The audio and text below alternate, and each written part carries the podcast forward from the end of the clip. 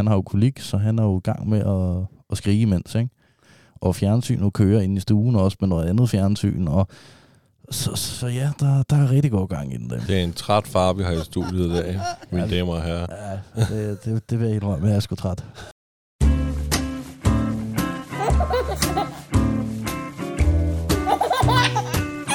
Det står der, far.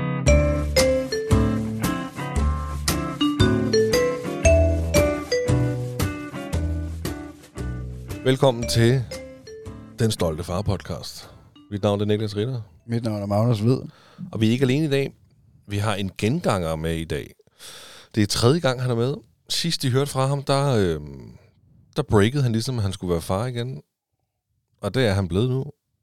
Så vi har besøg af Morten Enemark.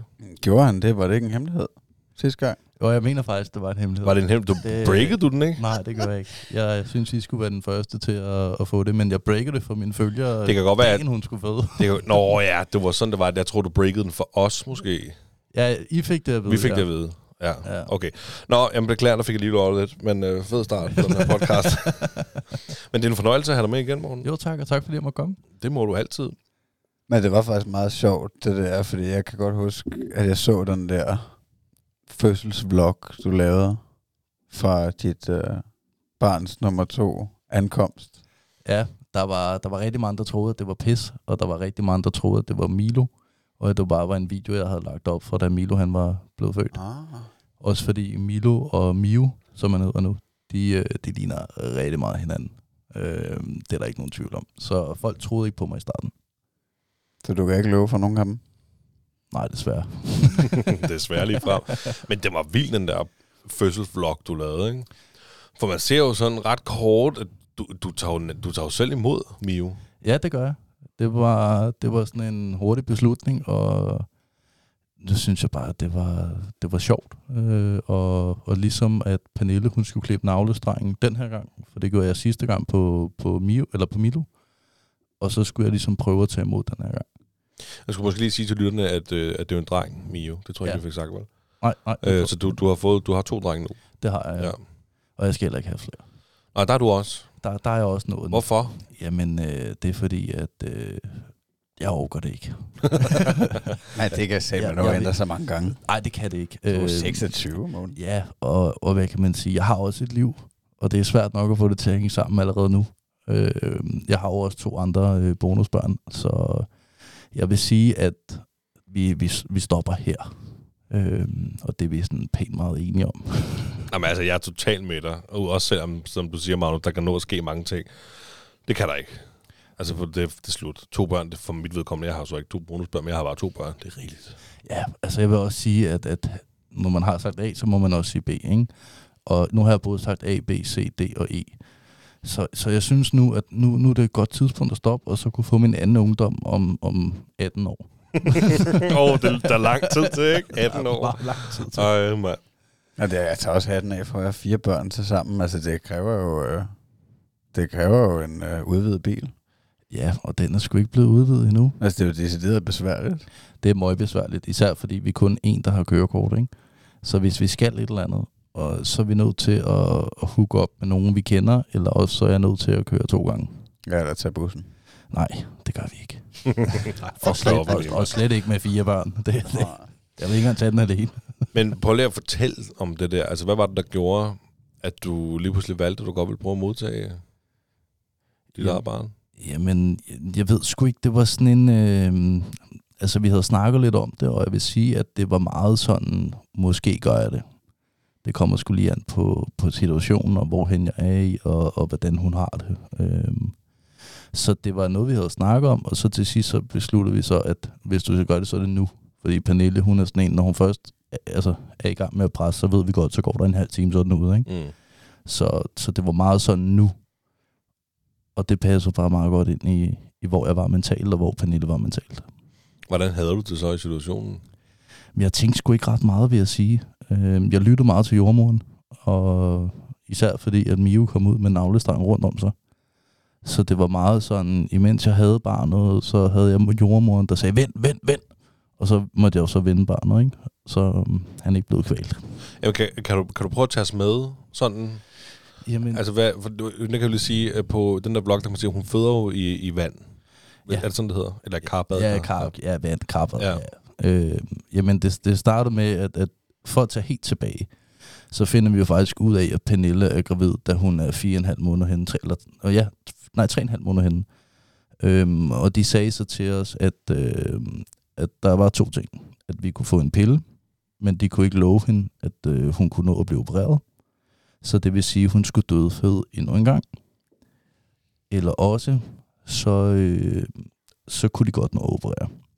Og øh, jeg har hele tiden sagt til Pernille, jeg synes ikke, at vores situation var som øh, til at få et ekstra barn. Øh, så jeg vil faktisk ikke have flere børn. Og øh, da jeg så får det her svar at vide, at det er ikke sikkert, at vi kan nå operere hende, så hun skal dødfødes, så sagde jeg, at jeg støtter din beslutning 100%. Så derfor så fik jeg et ekstra barn. Det, øh, og så, ja, og så gik sagde jeg til hende, hvis du vælger at gå her på stuen af, så vil jeg gå med dig. Og jeg er der hele vejen. Og så sagde hun så, jamen, så går vi. Og så gik vi, øh, og så, ja, så fødte hun sgu ni måneder efter, skulle jeg til at sige. Og du tog imod. Det gjorde jeg, ja. Fuck, det var da også vildt, mand. Det hedder med mig hardcore. Altså, jeg havde dog nok lyst til at være til stede under min fødsel. Der. Jamen, jeg synes også, det var, det var voldsomt. Øh, altså, når, når jeg sidder og kigger tilbage på det, og jeg sidder og ser min video, jeg lavede på det, øh, så vil jeg sige, det var, altså, det var, det, det er ikke en normal ting. Øh, og på den anden side at se, så tænker jeg også, kæft, hvor er jeg privilegeret. Egentlig at kunne få lov til at, et, at kunne få børn, men faktisk også med, med den person, jeg elsker allermest. Ja, Jamen, det, det, ja, det er vildt. Altså, men det er overhovedet ikke at sammenligne med at tage imod sit eget barn, men jeg, jeg kan huske for mit vedkommende det der med, om jeg skulle klippe navlestrengen. Og det var jo noget, jeg ikke havde lyst til.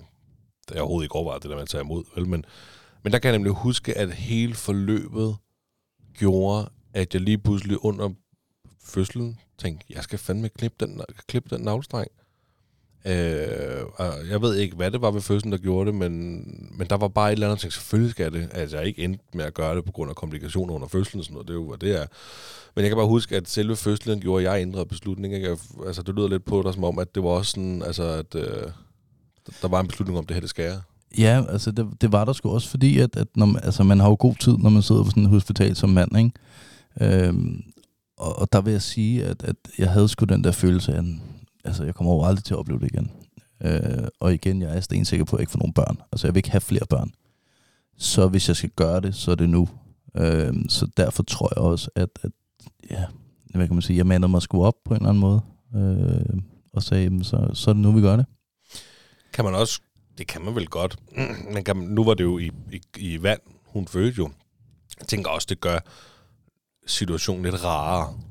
Både for hende og, altså, og for dig. Det, der må også være noget sådan lidt, at du står dernede, det må være meget intimt og lidt, øh, hvad hedder sådan noget? Øh, Grænseoverskridende. ja, for altså, Altså jeg vil sige, at, at, at det kan godt være, at man tænker, at det er meget sådan grænseoverskridende og alle de her ting. Øh, og, og jo, det er det jo også. Men lige så meget er det jo også, at det her vand, det er jo grumset. Altså det, det er jo ikke fordi, du kan kigge lige direkte ned til Nej. vagina, og så, altså, det kan du, når hovedet så kommer. Og, og det er specielt oplevelse. Altså så er du ikke i tvivl, hvis ungen kommer, og når ungen kommer, fordi der ser du først et hoved, og børn har det jo med at gøre sådan en show. Altså først så er det sådan lige lidt af hovedet, du får lov til at se, ikke? Og så kommer vi med hele hovedet ud, og så er den ene skulder, og, s- og så er den anden skulder, så, så man har jo lang tid til ligesom at tænke, hvad fanden foregår der her? Og, og jeg vil sige, at jeg synes ikke engang, det var ulækkert. Altså jeg synes, det der var mest klamt i alt det her, det er faktisk, at når, når de skal til at føde, eller er i gang, kan man sige, og barnet er på vej ud, så ser du det her røde øh, blod, der stiller roligt sådan, altså får sig ud, hvis man kan sige det sådan. Og, og, og jeg ved ikke, hvordan fanden jeg skal beskrive det, men det minder lidt om, forestil dig sådan en blodcelle, eller en blodsædcelle. Øh, det, der, der kommer ud, og så kommer der sådan noget udflået, og altså det er det, jeg synes, der er det klammeste. Jeg synes faktisk ikke, det var så klamt at tage imod ham, andet end, end det her, det var faktisk det klammeste. Sådan en gang blodig hytteost. Eller?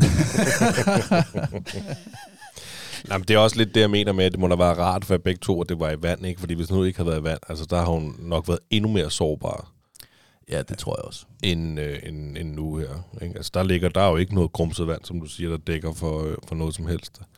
Nej, altså det, det tror jeg også har noget med det at gøre. Øh, også fordi, at altså, børn kan jo godt, når de er født ud af vagina der, så kan de jo godt ligesom ligge i vand i noget tid, uden der sker noget. Så det er jo også en eller anden form for sikkerhed. Hvorimod hvis det nu havde været på en almindelig seng, og så hun lige pludselig født, og jeg ikke nåede at gribe det her barn her, så, så er det noget råd til jorden, kan man sige. Ikke? Mm. Så jeg tror også, ja, det er sgu nok meget rigtigt med, at det, det er en form for sikkerhed i det vand der. Jamen, der er, der er jo også en anden ting med babyer. De har jo en eller anden, jeg synes, jeg engang læste om det, sådan en dykkerklokke eller et eller andet i halsrøret, der lukker, der lukker altså ligesom lukker det hele, for der kommer ikke vand ned. De kan ikke bare sluge vand sådan. Jamen, de ligger vel i en form for væske inde i maven. Ja, det gør det jo selvfølgelig. Ikke? Jamen, at- ja, det kan man jo så tænke over, ikke? Fordi hvis de så kommer direkte fra væske ud i den anden væske, er det så bare som om, de stadig er i maven, når de er nede i vandet, eller? Jamen, jeg ved det sgu ikke, men ja, det kan, det kan godt være, der er et eller andet der. Men jeg kan i hvert fald, jeg kan i hvert fald huske, at jeg læste på et tidspunkt det der med, når babyer er under vand. Altså, at de har en refleks, der automatisk lukker, lukker tæt. Ja, altså det, det er ikke fordi, jeg har læst så meget om det, vil jeg sige. Øh, jeg siger bare selvfølgelig ja, og det er det, vi gør, og så er det det, vi gør. Men jeg tror helt klart, at der er en eller anden, altså der er jo et eller andet, øh, babyer kan, kan gøre, som, som man så ikke kan, lige så snart man har trækket vejret, kan man sige. Jeg er fandme vildt. Respekt for det. Jamen, jeg synes også, det var, det var mærkeligt, at han ikke kom ud og skreg med det samme. Øh, det gjorde Milo. Han, han skreg jo med det samme, og alle folk, der normalt føder normalt øh, ikke er i vand, jamen de skriger jo lige så snart de kommer ud. Det gjorde han altså ikke, og han var jo også blå. Øh, men heldigvis havde jordmoren jo så ligesom sagt, at hvis I vælger at gøre det, det er fint, men I skal vide, at han kommer ikke til at skrige lige med det samme, og at han er nok blå, når han kommer ud. Og det er ikke farligt. Nå, fordi man føder vand? Ja. Ja, okay. Der var ikke noget angst, der gik igennem det der, eller noget frygt, eller... Nej, faktisk ikke.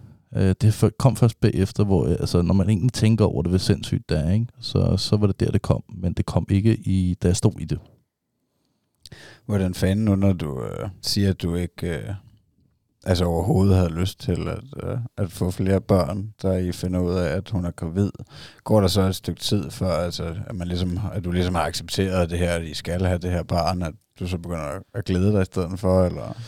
Jamen, jeg vil sige, at det, det har meget været, eller det er sådan en meget ambivalent følelse, øh, fordi at vi, vi stod lidt et, et, et, et sted som par, hvor at, ja, at det, det spillede sgu bare ikke helt, og, og, og det job, jeg har, det, det spillede sgu ikke helt, og altså hele vores livssituation, den, altså, det, det var bare ikke øh, klar til at få et barn mere, synes jeg i hvert fald, og, og altså, ikke fordi han ikke er elsket, for det er han, og, og der er jo ikke noget der, men jeg ville bare gerne have ventet lidt, øh, på grund af den situation, vi stod i. Men man finder jo altid en løsning på, hvordan man klarer den her situation efterfølgende, og, og, og det gjorde vi jo også. Og, og den dag i dag, der, der står vi jo et helt andet sted i vores liv. Ikke? Kan vi, kan vi lige få opfrisket, hvor gammel, øh, hvor gammel er det nu, Milo er? Milo, han er halvandet år. Og Mio, Han er fire måneder. fire måneder. Ja, lidt over fire måneder, ja. Altså, det er også gået stærkt, så. Det er gået altså, voldsomt stærkt, ikke? Ja. Øh, og, og hun har jo, det er der jo heller ikke nogen, der ved sådan rigtigt, men, men hun har jo fået to aborter fra, fra Milo til Mio. Øh, der har hun jo fået to aborter. Bevidste? Ja, hvor vi Ja, eller aborter. Ja, det er jo bevidst. Det andet, det vil man tager Ja, hun har været, ja, ja. Okay, ja. Øh, så, så der er jo, altså, og det er jo netop, fordi vi, vi stod i en anden situation, og, og alle de her ting, øh, og, og, og jeg ville bare ikke have nogen flere børn lige der. Øh, så da vi så fandt ud af det, så måtte man jo ligesom, og igen, det var også en helt speciel situation at stå i, fordi skal hun dødføde et barn, eller skal hun ikke dødføde et barn, eller kan de nu operere det ud? Øh, og, og jeg må skulle sige, at, at jeg synes ikke, hun skulle dødføde et barn øh, to gange. Ja, men dødfødt, dødfødt et barn, det, er da, altså, det lyder så sindssygt. Altså, det lyder så frygteligt.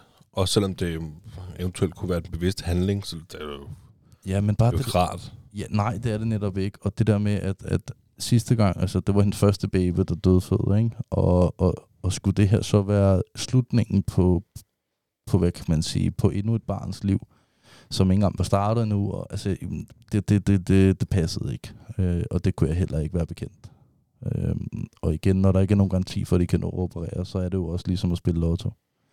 Og, og det synes jeg ikke, man gør med børn, der spiller man sgu ikke lotto. Men når du sådan tænker på det nu, altså der er jo, altså man kan sige, du, du er selvfølgelig bonusfar til to børn, du øh, holder meget af, elsker og højt og så videre, ikke? Øhm, men, men nu har du også nu har du to børn, der er dine egne, hvis man kan se sådan på det, ikke?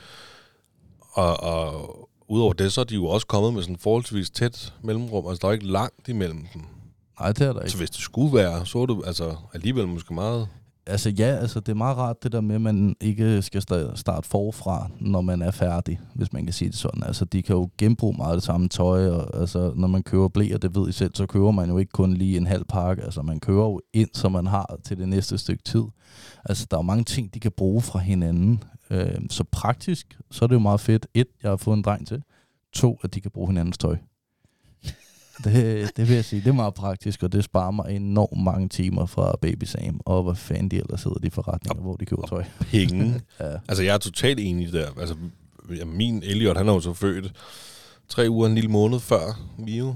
ja, det passer meget godt. Øhm, det må det være. Ja. Øhm, og, øh, og Eddie, der, han er jo så tre, tre år, og vi har jo gemt alt, alt tøj for ham. Og vi fik også en dreng til, og vi har ikke, jeg lyver ikke, vi har ikke, udover det tøj, han skulle have på på vej hjem fra hospitalet der, ikke? det var ligesom, han skulle have sit eget tøj. Ikke? Udover det har vi ikke købt noget nyt endnu. Nej, men det, er jo, Altså har vi virkelig ikke, vi har bare genbrugt alt fra af. men det er også som om, at tiden nu er til, at man, man skal genbruge, og det er fandme rart, fordi at babyer, altså de når at vokse ud af tøjet, før de overhovedet har haft det på. nærmest, ikke? Fuldstændig. Så det fejler jo ikke noget, og, altså, og babyen er sgu ligeglad med, om den render rundt med Christian Dior tøj, eller om den render rundt med tøj fra H&M. Altså, så, så jeg synes, det er skidesmart, når det endelig skulle være, Mm. at vi heller ikke havde fået en pige. Det, så havde de jo ligesom været ligegyldigt med det tøj, ikke? Føler du også, det er sådan lidt nemmere for dig? Sådan har jeg det i hvert fald selv. Altså det der med, at nu ved jeg, hvad det vil sige at få en dreng. Jeg ved, hvad det vil sige at indtil videre opdrage en dreng. Så jeg, der er jeg lidt glad for, at det faktisk blev en dreng, fordi at, at det kender jeg til. Er det også lidt sådan, du har det? Eller? Altså, jeg ville jo rigtig gerne have haft en pige. Okay. Øhm, og jeg er 90% sikker på, at, at den sidste abort, hun fik, at det var en pige. Øhm, så det gjorde mig selvfølgelig lidt ked af det, fordi jeg har altid gerne vil have en dreng og en pige, og jeg vil gerne have, at drengen kom først, og pigen kom efter. Men, men jeg vil skulle sige, at det, det, det, altså jeg er jo bare glad for, at han er sund og rask, og, øh, men jeg ved ikke, om det gør det nemmere. Det gør det måske. Øh, jeg har faktisk ikke tænkt så meget øh, over, om det gør det nemmere. Men det gør det hårdere i hvert fald. Jeg tror, det bliver fedt, uh, altså for dig, at, at de er så tæt på hinanden aldersmæssigt, og han, altså, han vil jo komme til at lære sindssygt meget af sin storebror, og m- måske, altså vil du måske komme til at se ham udvikle sig hurtigere, fordi han lærer ting af Milo, ikke? Jo, jo, altså det, det, det er jeg slet ikke i tvivl om. Så, så på den måde tror jeg også, at bo, altså, det gælder for alle børnene, at de ligesom får gavn af hinanden. Fordi de netop er så tætte. Altså Nord han bliver syv, ikke? Sofia bliver fire, Milo bliver to, og Mio bliver et. Altså, så det er jo næsten trip trap træsko, ikke? Ja. Så på den måde tror jeg, at, at det er meget godt, nu det endelig skulle være, at, at de er jævnaldrende næsten, ikke? Og sat med knald på, han. Jamen, jeg, jeg så også sådan en på Instagram, sådan en reel med en eller anden professor, en klog mand i hvert fald, der sagde det der med, at når du fik to børn, altså så var du fucked, så du, du, du, du kunne bare få tre børn eller fire børn, fordi han siger, at det bliver ikke dobbelt så hårdt, jo flere børn du får, fordi sådan helt instinktivt, det er jo børn, der bliver ældre, så begynder de at, at tage sig af hinanden. Og det er jo også derfor, man kan se nogle af de der ekstreme programmer med øh, familier, der har over 22 børn, eller hvor meget det nu er. F- fordi det, det kører jo bare nærmest automatisk rundt, fordi børnene begynder at passe på hinanden. Altså ja, jeg vil sige, at, at for mit ved, eller for vores vedkommende, der er det sgu ligegyldigt, om det er tre eller om det er fire. Altså det er jo bare en ekstra, kan man sige, ikke? Øh, og så kan man så sige også, at Nord, han er jo den alder, syv år, og Sofia, hun bliver fire jo, og altså, så Nord har jo nogle andre interesser nu, end at sidde og lege med, med legetøj. Han sidder bare og spiller og gamer, det synes han jo er sjovt. Og som forældre er det jo også mega rart, fordi at, så er der fred der. Så skal du så finde ud af, hvad skal Sofia lave? Skal hun sidde sammen med Nord? Eller hvad, hvad vil hun lave den pågældende dag? Ikke? Men hun har så også begyndt at gå meget hen den der gamervej, hvor de ligesom har fået sådan et Lego-spil, og så sidder de lidt og nørder og kan spille sammen og op, altså lave sådan nogle opgaver om missioner og sådan noget. Så der, så der er ro for dem. Så er der så Milo, der er i gang med at, at slå Sofia, fordi at det synes han lige er sjovt lige i øjeblikket. Og så skriger Sofia. Og, altså, så, så ham skal man også finde på at aktivere. Ikke? Og Mio, han, er jo, han har jo kolik, så han er jo i gang med at, at skrige imens. Ikke? Og fjernsynet kører ind i stuen også med noget andet fjernsyn. Og Så, så ja, der, der er rigtig god gang i den. Der. Det er en træt far, vi har i studiet i dag, mine damer og herrer. Ja, det, det, det vil jeg indrømme, jeg er sgu træt. Ja, for at det ikke skal være løgn, så er du blevet opereret for en måned siden. Ja, det, det kommer, når man får børn. Så bliver man skulle lige lappet sammen en gang imellem. Kan du ikke lige fortælle om det? Hvad, hvad, hvad er det, der er sket? Du, går, du ligner jo en, der har et kosteskaft øh, lignet op ad ryggen. Jamen, jeg er blevet opereret for to diskusprolapser i nakken. Og har fået sat øh, implantater i. Hvad er helingsprocessen der, så siger de? De er kloge. Jamen, jamen altså, de siger, at man kan gå på arbejde for to til tre måneder, fordi jeg har et hårdt fysisk arbejde. Øh, så skal der gå noget længere tid. Men havde jeg nu siddet på et kontor og sådan nogle ting, så er det jo en, en anden fysisk ting, du laver. Øh, og hvilket også derfor, jeg kan sidde her i dag. Fordi det er jo ikke, fordi jeg skal stå og rive en væg ned, eller skrabe noget tapet, eller fjerne noget guld. Altså, det er jo bare helt basic, sid stille. Øh, så de siger, der går omkring de her to-tre måneder i mit erhverv, øh, og så kan der gå op til et år, før det er helt ordentligt sammen. Ikke? Hvad gør det sådan praktisk derhjemme i forhold til at, uh, at gøre noget med baby og, og, og hive Milo i armen og sådan noget? Jamen det gør jo, jeg må ikke løfte mine børn. Nej. Jeg må ikke, øh, jeg må ikke øh, lege vildt og voldsomt. Jeg, altså jeg skal jo gerne bare ligge stille. Øh, og det er fandme svært, når man skal, skal hjælpe sine partner med, med nogle forskellige ting, og så går ens dårlig samvittighed ind over. Og så altså bare det at skifte lidt sengetøj, altså så basalt ting, det, det er svært nok i forvejen. Øh, og hvis du så også har en unge, der gerne vil op til dig samtidig, som du ikke kan løfte op, så er det jo også mega frustrerende. Ja, de er svært ved at sætte sig ind i, at, uh, at du er skadet på en eller anden måde. Ja, det har de. Altså, jeg, jeg, jeg plejer jo at slås med dem og løbe rundt med dem og skabe mig åndssvag. Øhm, og det kan jeg jo slet, slet ikke på samme måde nu. Øh, så derfor så er jeg heller ikke i så høj kurs i øjeblikket. Øh, det er kun lige Milo, der synes, jeg er sjov, men alle andre, de skulle ligeglade med mig, du ved. For, for deres skyld, så kunne jeg bare gå. Så rører man i, i bad standing. Det er Ja, ikke det- sådan, det det, er ikke sådan, at de har nogen lidenhed med dig. Nej, det har de sgu ikke. Nej. Øh, nogle gange så går Milo og så tager sig til halsen og siger au, au. Altså, så, så, så, der er ikke så meget medlidenhed derhjemme. Det må jeg indrømme. Påvirker det dig? ja, det påvirker mig sådan helt seriøst sådan rent mentalt, ikke?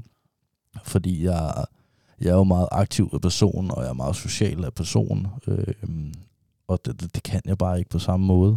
Øh, jeg tror, jeg har været ude for en dør fire gange på, på en måned, ikke? Og, og det ligger jo slet ikke til min natur. Øh, så, så det påvirker mig et, og det her med, altså, med at, at hjælpe til derhjemme, og, og ligesom være en god kæreste og en god far, og altså det her især at være en far, det, altså det, det er jo mange ting, men mange af de ting, der kræver at være en god far, i mine øjne, det er jo det der med at være nærværende med sine børn. Og Mm. jeg kan jo ikke være nærværende på samme måde. Øhm, så det påvirker mig virkelig meget. Ja, det kan jeg fandme godt forestille mig, at, øh, at du skal kæmpe lidt for ikke at blive deprimeret der, men altså, man kan jo sige, at du er jo lovlig undskyldt, altså du bliver jo nødt til for at være en god far i længden, sådan strategisk, så bliver du jo nødt til taktisk at, øh, at sørge for at, at hvile så meget som muligt, øh, så du kan ja, være aktiv med dine børn, når du er så er kommet der. Ja, altså, og, men, men det er sgu, altså, det er nemmere sagt end gjort, ikke? Altså, 100. det var meget sjovt de første 14 dage, jeg ligge derhjemme og, og kusse lidt rundt med dem alle sammen, ikke? Men, men jeg synes sgu i længden, der er det pisse anstrengende, ikke? Øh, altså, nu ved jeg også, at der er nogle ting, Pernille mangler at få hængt op i hendes lejlighed og alle de her ting, og, og det er jo igen det her med, og, altså, jeg kan jo ikke være en god kæreste lige nu, øh, og selvfølgelig kan hun måske godt selv bore de her ting op, men, men så går der lidt det der øh, mandeting i den, ikke? Jeg skal nok bruge min egen nuller, ikke? Det skal du fandme ikke gøre. og, altså, og, og, og, der vil jeg sige, at det, det, det er også, det går ind og rammer, ikke? Så, så sådan helt grundlæggende, der synes jeg, det er mega anstrengende. Og på ingen måde sjovt. Ej, for helvede, mand. Det er noget pis. Ja, det er ikke særlig sjovt. Men det skal gå ondt nogle gange, for det bliver rigtig, rigtig godt. Jo, men så ondt behøves det fandme heller ikke at gøre, at man skal have morfin for at, at kunne holde ud og stå op. Nej. Men jeg, kan, jeg, kan godt, altså, jeg kan godt følge dig det der med, jeg tror også fordi, at nu er Mio kun i fire måneder, ikke? At du står nu i en situation, hvor du faktisk ikke kan tage ham op, du må ikke holde ham. Altså, det er jo det, han har brug for dig. Det er det eneste, man kan som far, når man har et barn på den alder, det er jo at holde ham til et barn og holde. Ja, være nærværende. Du kan ikke løbe rundt og lege med ham. Det kan du med Milo og sådan nogle ting. Ikke? Det kan du nok ikke nu, men det er jo det, man kan give et barn, når barnet er på den alder der. Ikke? Det eneste, du giver et barn, eller en baby, som er fire måneder, det er jo at tage barnet op og kramme det og sådan noget, og det er du ikke rigtig i stand til lige nu. Nej, det er jeg ikke. Og, og 8 kilo og 100 gram, det, det er altså alligevel en del, ikke? Øh, at skulle stå og løfte over hovedet, eller stå og vugge i armene. Altså, så jeg vil sige, at, at mit forhold til min egen søn, den mindste af dem, det, øh, det er sgu svært øh, lige i øjeblikket. Og jeg ser, altså selvfølgelig skal det nok komme igen, det, slet, altså, det skal nok komme på et tidspunkt, men det kommer ikke til at ske lige nu, øh, da jeg ikke kan gøre de her ting.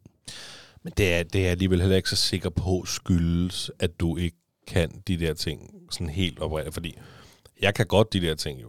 Ikke fordi jeg skal sidde og blære mig over for dig nu, men, men jeg kan jo godt de der ting, ikke? Og jeg, det er jo tydeligt at se på min, den mindste derhjemme, at, øh, at det er jo mor, der er det bedste lige nu, ikke? Altså det er jo hende, der er hjemme med ham øh, på barsel, og er allermest nærværende med ham, og er allermest, altså i længst tid, ikke? Jo, altså, det, altså han har jo ikke, øh, et, et, et lille spædbarn har jo ikke brug for deres far. Øh, altså de, for, for deres skyld, så kan vi jo faktisk bare skride helvede til. Øh, så jeg vil sige, at, at det er nok mere mig selv, øh, der, der skal ligesom på en eller anden måde anerkende det. Lidt mere, end jeg måske gør i forvejen. Hvad så med, med Milo der? Forstår han hele det der med, at han er blevet, blevet storebror? Ja, nej, ja, altså jeg vil sige, det, det, det er lidt forskelligt. Han ved godt, han er der, øh, fordi at han vil gerne have, at han holder kæft, når han græder. Så Milo, han går hen og, og ligesom skubber ham på maven, øh, hvis vi ikke er der. Øh, og, og det er jo selvfølgelig ikke skide godt. Øh, men så kan man så sige, nu her, så sent som i dag, der stod han og vuggede den her lift, øh, imens vi lige ordnede nogle, praktiske ting. Når jeg siger vi, så siger jeg Pernille. Øh, og, og så stod jeg lige og kiggede døren, så står han og vugger ham, og sådan. Altså, han, han ved godt, han er der nu. Men jeg tror også, han synes, han er pc-irriterende, for han kan jo heller ikke noget med ham, jo. Altså, de, de, han kigger bare på ham, og så græder han, og så spiser han. Det er ligesom i Milo. altså, Ja, du, du siger også, at han har kolik. Hvordan, øh, hvordan foregår det? det foregår med, at øh, du skriger rigtig meget. Øh, og, Dig eller barnet? Uh, begge dele, vil jeg Okay. sige. Ej, han, han, altså det, hvad kan man sige, at han skriger både fra, når han står op, til han går i seng, ikke? Øhm, og det gjorde han jo især i starten. Der var det jo lige meget, hvad fanden vi gjorde. Så man kan sige, nu her, man plejer at sige, efter tre måneder, så begynder man at se en bedring. Og jo, det gør man. Men, men jeg tror bare, man er så mættet, så man ikke føler, at der er nogen bedring. Øhm, selvom vi jo inderst inden godt kan se, at der er en bedring i det, og, og nu skriger han måske kun 8 timer øhm, sammenlagt på en hel dag. Ikke? Øhm, så jeg vil sige, at det, det, det påvirker både ens søvn, ens humør, ens parforhold, øh, en som menneske, en som far, en som mor, altså fordi du, du er mættet af børn. Du er mættet af det her gråd, du er mættet af, at du ikke, lige meget hvad fanden du gør, så er du ikke god nok. Og når du så samtidig står i en situation, hvor du ikke kan løfte dit barn, du kan ikke, øh, altså du kan ingenting. Altså du, man står magtesløs. Det, øh, det er hårdt. Jeg så vil du egentlig gerne på arbejde. Jeg vil faktisk hellere være på arbejde, end jeg vil være derhjemme. Og jeg Ja. må ærligt erkende, at mit arbejde, det er jo mere eller mindre blevet mit fristed. Øhm, og, og det er jo så også taget fra en nu, fordi nu har jeg ikke noget fristed. nu skal jeg være derhjemme. Ah, fuck, mand. Og så har jeg jo lidt det der med, det kan godt være, at jeg har et, et, et, et hjem, men du behøver ikke overrende det, bare fordi du kan. Øh, og jo, jeg elsker min kone, det er ikke det, men jeg behøver selv ikke sidde på loven af hende hele tiden. Man. Ej, det er sgu meget sundt at komme lidt væk fra hinanden. Ja, det, det vil jeg indrømme, og vi ikke for børn. Ja. Men er der nogen øh, udsigter til bedring med kollegen der? Så? Har I fundet ud af, hvorfor? Nej, altså kolik er jo et, et bredt betegnelse for, at lægerne heller ikke ved, hvad fanden der foregår. Mm. Øhm, så man kan sige, jeg, nu har jeg jo også været inde og google og selv lavet netdoktor og alle de her ting. Øh, og det, der minder mest om det kolik, han har, det er det her, øh, åh, hvad fanden, angst for at falde i søvn. Nå. Fordi det er primært, når han skal sove. Nu her i hvert fald, ikke? Øh, det er det blevet til. Fordi når man så tager ham op, jamen så, så, så, så siger han ikke så meget. Men ligger han det samme sted, eller sidder det samme sted, eller så, så skriger han. Kan, kan man tage ham sådan op? I, han, han tryg i armene på, på jer, sådan, så man kan sætte sig på sofaen og måske selv lukke øjet lidt, mens man bare holder ham? Nej, fordi Mm. så, så går der jo lige fem minutter måske, så synes han jo ikke, det er sjovt mere. Øh, så skal Ej, du lave noget andet. Og hvis han er ved at falde i søvn, uanset hvor han er, så, så bliver Ja, han ked. lige præcis. øh, og, og jeg har det sådan lidt, altså nu har du gjort det i fire måneder, så hold dog kæft, unge. Altså du kan umuligt, altså vær vågen, leve sådan, når du, når du ikke får noget søvn. Det kan vi andre i hvert fald. Jamen, man bliver jo presset som forælder. Det er jo ingen tvivl om, at man kommer til at tænke nogle grimme tanker, eller altså, det er da ikke, det er da forståeligt. Altså, altså, det gør man. Og, og jeg vil sige, at jeg troede, Milo var slem dengang. Og, og det må jeg jo så bare bede i mig at sige, det var han altså ikke. Øhm, og jeg synes, det er, det er irriterende, at, at, at vi ikke spiser sammen mere. Altså nu er jeg jo bare derhjemme, og så tager jeg hjem til mig selv om aftenen. Men, men det her med, at vi spiser ikke sammen. Jeg spiser med børnene. Og så er Pernille på, på Mio, ikke? Så, så det er også pisse irriterende. Så nu her, hvor der så er lidt bedring i det, så er det også nemmere at håndtere. Øh, men når der er fire børn, så, så er det det samme. Så synes jeg fandme, det er svært, ikke? Ej, det går nok også meget larm, mand. Det er rigtig Ja, meget. det burde du da jo ikke så meget om, Magnus. Ej, så Det det er godt, altså, bare lige komme ned i børnehaven, ikke? Øh, Ja. 10 minutter. Og afvendt. Og han gerne vil med hjem, ikke? ja. Jeg tænker, der stinker, og der larmer. Ej, så skal du være hjemme hos os. Altså bare så sent som i dag. Ja, vi har jo fået ondulat hjemme hos os, ikke? Okay. Og den skraber bip bip og sådan noget der, ikke? Plus Elliot der, min søn der, han er du sindssyg, hvor han bare skriger. Det er så ikke, øhm, altså det er sådan noget hyggeskrig. Rigtig højt, fordi han kan, tror jeg, han har opdaget, at han kan skrige, så gør han det bare. Nej. Der er ikke noget, fordi han er ked af det. Så det var bare, da vi skulle spise i dag. Da pibe, fuglen pipede alt, hvad den kunne, og Elliot lå bare der, pipede alt, hvad han kunne. Og så, nå, en fed aftensmad. Hvad siger du derovre? Det er dog nok, hvad der bliver sagt. Ja, men altså... Hvordan, øh, hvordan var det for dig at give øh, Milo en, en bror eller en søster? Altså fordi, for mig var det jo, det, det var nærmest, det var nærmest større at se Eddie blive storebror, end det var at se mig selv blive far igen. Øh, Ja, men, men det ved jeg sgu egentlig ikke. Øh, og det tror jeg måske også, fordi nu Eddie, han er, han er lidt ældre end, end Milo, ikke? Øh, og Milo, han forstår det jo ikke. Altså, han er, han er jo ligeglad med ham. Altså, han gider ham ikke. Og jo, når han græder, så er han begyndt nu her at, ligesom at, at finde ud af, at han græder, og han er her hele tiden. Men, men jeg vil sige, at jeg synes ikke, at det er stort, men det er nok også, fordi vi har haft det her skrigeri hele fucking tiden. Øh, jeg synes, det er mega sødt, når Milo han kysser ham, og man når at tage et billede af det og alle de her ting. Men jeg har ikke tænkt tanken, at, øh, at, at nu har jeg endnu en gang givet et liv, men også til min søn. Mm. Øh, så, så jeg vil sige, jeg, jeg har ikke nået i, i den løbebane der. Nej, nej, men altså, det var for mig, kan man sige, at det måske også anderledes, fordi hvis du faktisk ikke sådan rigtig havde tænkt, at du godt ville være far igen. Altså, der... Og det vil jeg gerne. Jeg, jeg vil bare ikke... Nå, det var måske det var tidspunktet, der det ikke var var... tidspunktet, ja, der okay. ikke lige passede helt. Okay, jamen, det er fint. Men øh, for, for mig der er det også sådan fremtidsmæssigt, og fordi Eddie, altså, øh, Eddie han var jo ikke engang blevet tre, da, da Elliot kom til verden, og han forstod heller ikke rigtigt, at... Altså han vidste godt, der var en baby i maven på mor, han vidste ikke, det var lillebror, og han vidste slet ikke, at han skulle være storebror, hvis man kaldte ham, du ved, nå, du skal være storebror. Nej, jeg hedder Eddie. altså, det, det, var det, han forstod, ikke? Nu har han, forstået, nu har han forstået det, og meget, er en stolt storebror, og fortæller i børnehaven om det, ikke? Men, Ja. men for mig, der var det bare det der med at give ham en bror, også til, til fremtiden. Altså, de vil jo få sindssygt glæde af hinanden, forhåbentlig. Ja, altså at det er jo også stort. Altså det, det, det er det, og, men, men jeg vil sige, at der har bare lige været det her skrigeri og, og nogle andre børn, så, så jeg tror bare, at, at, at selvfølgelig er det stort, og, og, og den hvad kan man sige, tanke får jeg måske også på et tidspunkt. Men lige her i den her pressede situation, som, som vi står i nu, der, der må jeg skulle sige, der kommer den ikke endnu. Og det virker lidt som om, at, øhm, at alt det skrigeri og kulikken og sådan noget, det, det tager meget af lykken. Det og, tager og rigtig- meget af det positive, og det kan man jo i princippet godt forstå jo. Altså, det tager, det tager virkelig meget af det, og det tager også på ens parforhold. Øh, og statistikkerne viser jo, at, at de første to år af barnets levetid, der er rigtig mange forældre, der går for hinanden. Ikke? Øh, og det kan jeg faktisk godt forstå, hvis de får sådan et barn, som, som vi har fået med Mio. Ikke?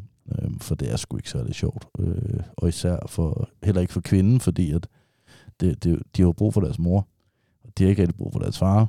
Øh, så jeg tror også, mænd har den der tendens til at sige, jamen den tager du bare, fordi jeg, jeg virker ikke. Så, så det er jo også anstrengende for hende. Ikke? Øh, så, så, så lykken har ikke været der endnu.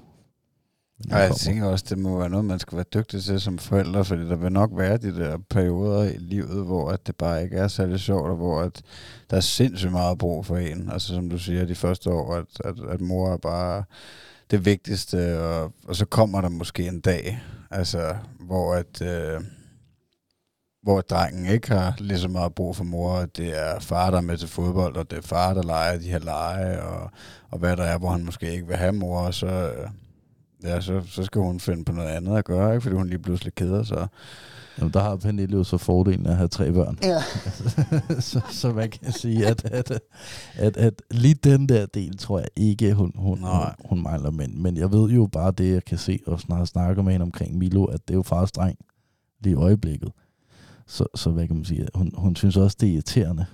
Øh, fordi at nu har hun jo haft en, en lang periode øh, af, af Milos liv og hendes liv, hvor det var hende, der var god nok. Og så fra den ene dag til den anden, uden jeg har gjort noget, så, så er det mig, der er god nok, ikke? Og jeg ligger jo og fryder mig. Altså, det gør jeg, og, og jeg praler stolt med at sige, at sådan min dreng, det, min dreng, han er bare dreng. Det, det kan du jo tro. Men tror du også, det er, fordi lillebror er kommet til verden, at, øh, at, at mor har mere at se til? Altså, jeg, jeg skal ikke kunne sige det, men, men, men jeg synes jo, at Pernille er god til ligesom at, at give tid, når hun har tiden.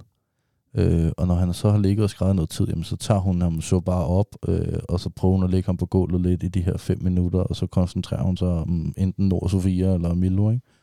Øh, så, så, så jeg vil sige, at det har nok noget med det at gøre, men jeg synes ikke, det er fordi, hun, hun prioriterer sin tid øh, forkert. Øh, eller mere på den ene end på den anden. Nej, hun er hardcore, mand. Fire børn. Hun er sindssyg. Mig meget. Men så kan der jo lige så godt komme en femte, ikke? Fordi, Nej, nej, nej. Nå, prøv det. Lad mig lige høre. Lad, lad mig lige forklare. Fordi nu har du netop fucket den op i forhold til den med bilen der, ikke? Og der er jo ikke nogen biler... Altså nu, nu er I jo, øh, jo seks børn, ikke? Nej, Jamen, vi det er seks mennesker. eller- Seks Ja, Ja. der er seks børn. Ja, ja, Ja, ja, ja, seks, ja, ja, seks, det vi skal have seks sæder. Så skulle du finde en bil med syv sæder. Du, du finder ikke nogen bil med seks sæder, tror jeg. Du er oppe i syv, så kan du lige så godt... Jeg tror, jeg tror faktisk, der er en bil med, med seks, men, men nej, jeg skal ikke have flere børn, øh, Ritter. Det, det er slut. Det var sjovt. Jeg fandt ud af, Mit liv er forbi. ja, altså, jeg, jeg føler lidt sådan, at, at jeg fandt ud af, at den kunne andet end at tisse, ikke? Nej. Og, og, og, og så var det det. Og så skal vi tilbage til det gamle. Det var sgu meget fedt. Ja, det var meget sjovt at prøve. Men hvordan har du så tænkt dig at få styr på det der supersæde, når ellers der var øh, i orden igen? Jamen, øh, vi har jo faktisk øh, snakket om at blive steriliseret. Øh, og vi er jo også gået så vidt, så Pernille, hun har opsøgt en læge, og sagt, at hun gerne vil steriliseres. Og kæft, det er jo også en kærlighedserklæring. Så beder jeg på, at I beder sammen, hvis I er klar til at tage til valg. Ja, lad mig lige fortælle, hvad det er, ikke? Øh, fordi at Pernille går så op til lægen her, og jeg synes jo, hun skal starte, fordi hun har fået flest. og så har jeg bare hørt, at det gør sygt ondt, ikke? Øhm, så, så hun var været hos lægen, og de sagde så til hende, at kom lige igen om 14 dages tid, tror jeg det var, ellers var det en måned. Der var lige sådan en proces, hvor hun lige skulle hjem og tænke over tingene, og så kommer hun tilbage, og så siger hun, at jeg vil gerne sterilisere stadigvæk. Så siger lægen, at det er meget muligt, men øh, det, det kan jeg ikke give dig lov til. For er du nu sikker på, at du ikke skal have flere, og du er 30, og hvor hun har det sådan lidt på, at jeg har født fem børn. Jeg tror, jeg har fået de børn, jeg skal have. Øhm, og så kommer hun hjem til mig og siger det, og jeg siger, altså, så var vi jo inde at google. Altså, fordi kan en læge bare bestemme, at du ikke må få flere børn? Øh, og loven siger faktisk, at når du er over 25 år, så må du gerne. Så hun er i gang med at finde en, en læge nu, ikke? Øhm, og jeg vil jo også gerne steriliseres. Øh, fordi jeg skal ikke have en... Ups, der kom lige en uh, Torben øh, med det hele igen. Nej, Milo, Mio og Torben. Det, det kan jeg godt se. Nej, men, men det er, også, altså, det er jo noget med, at det skulle være værre for kvinder at blive steriliseret. Ikke? Og, øh, og det er lidt, måske lidt større indgreb. Jeg er ikke helt skarp på det, men jeg synes, jeg har hørt, at det skulle være sådan lidt vildere med dem. Og, at, øh, og når det er mændene, så... Altså, du kan jo få syet det sammen igen. Jamen, det skal jeg ikke. Nej, nej, nu, det, jeg tror, vi har forstået, at Morten skal fandme ikke have flere børn. Det er slut. Men det er jo, men jeg mener bare, at, øhm, at det, jeg tror, det, det er lidt bedre, at det er mændene, der gør det. Ja, altså det, det, det tror jeg også, det er. Øh, jeg har en, en i familien, der har prøvet det, og personen gik tre dage, og så havde han ikke ondt mere. Ja, du kan jo også, øh, du kan jo også fryse noget sæd ned, tror jeg. Jamen, når jeg ikke skal have flere børn, Ritter, så er der Nej, ikke nej, nej, grund til at hvis det nu var. Hvis det nu var. Ikke også? Jeg Jeg har, jeg har forstået. det kan jeg sgu holde sig nogle år, tror jeg. Det, øh, ja, men jeg vil sige, at der er ikke plads i fryseren, og, og, og Der ligger en god mørbrød der. ja, Det. gør der. Øh, der, ligger, der ligger ikke små sædceller i min fryser, og det Nej, kommer der ikke til. Man kan jo også sige, øh, at nu har din hustru jo, din kæreste jo også fået fire børn, ikke? jo, og fem. Ja, ja, ja jo, selvfølgelig det er rigtigt, ja. Fem. Øhm, så hvis hun ikke har lyst til at få flere, kan man måske godt forstå det. Ja, altså jeg synes også, at, at vi er et sted nu i livet, hvor at, at vi skal også altså, huske på, at, at nu er der fire børn, og får vi nu et barn mere, så er der jo noget tid, der skal tages fra nogen, og, og i forvejen er det jo parforholdet. Så, så næste gang, hvis det så var det, jamen så ville det jo blive taget fra, fra dem. Øh, og, og det synes vi heller ikke. Vi synes, der skal være tid til de børn, vi har. Øh, og så må vi skulle altså lige have den her alene tid et par timer om aftenen, når ungerne er lagt i seng. Ikke? Så tiden, den er der ikke, hvis vi får en mand. Så, så, så, og så har hun jo også sagt, men så hvis du finder en anden, vil du så, altså, hvad har du så tænkt at gøre? Så er du steriliseret, hvis I gerne vil have børn, og som jeg siger, men det skal jeg ikke, jeg skal ikke starte forfra igen. Jeg har dem, jeg skal have, og så, så håber jeg også, hvis vi gik for hinanden, og jeg fandt den anden, at hun havde de børn, hun skal have, fordi ellers så skal hun ikke være sammen med mig. Og jeg kan sgu godt følge tankegangen også altså med, med at, at, at nu har du lige fået en, og der er i hvert fald altså 18 års udsigt minimum til, at I kan lægge ansvaret fra jer på en eller anden måde, ikke? Og altså, ja, jeg ved ikke, øh, den der gyldne alder, man måske kan drømme om, hvor man kan fokusere fuldstændig på sig selv. Men jeg tænker også, når man får så mange børn, altså når man når ud over de to der, så, så må det, altså, der, der er jo meget begrænset tid, som du siger, til at hvis man selv finder på et projekt, eller man vil være ja, et eller andet, hvis man får en eller anden sindssyg hobby, ikke, som er løbe ultraløb eller et eller andet. Altså. en, en 100 meter. Jamen, så, så bliver det jo svært at finde tid til det. det. Nu kommer lige... Altså, det bliver jo ikke meget sværere, end om du har et, to eller tre børn. Ej, altså, forstår De skal jo stadig i seng og det- på samme tid. Det, skal, altså, det, det handler bare om, om din kone gider at være alene med et, to eller tre børn. Og for eksempel 100%. løbemæssigt, ikke? Men også 100%. med andre ting. Også med vores podcast, eller whatever.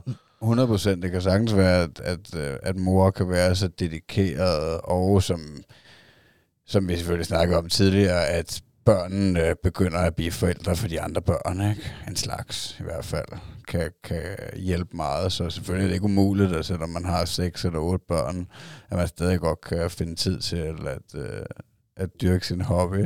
Men hvis der kommer udfordringer, som at barnet har kolik, eller Ja. hvis man får et handicappet barn, eller hvad ved jeg, altså hvis en af dem har nogle ekstra udfordringer, du, det er i hvert fald større odds for, at, at du får svært ved at, at bruge din tid, som du gerne vil. Men jeg vil så også lige huske at sige, at, at, at der er jo så også fire forskellige hobbyer, børnene får på et eller andet tidspunkt. Ikke? Ja.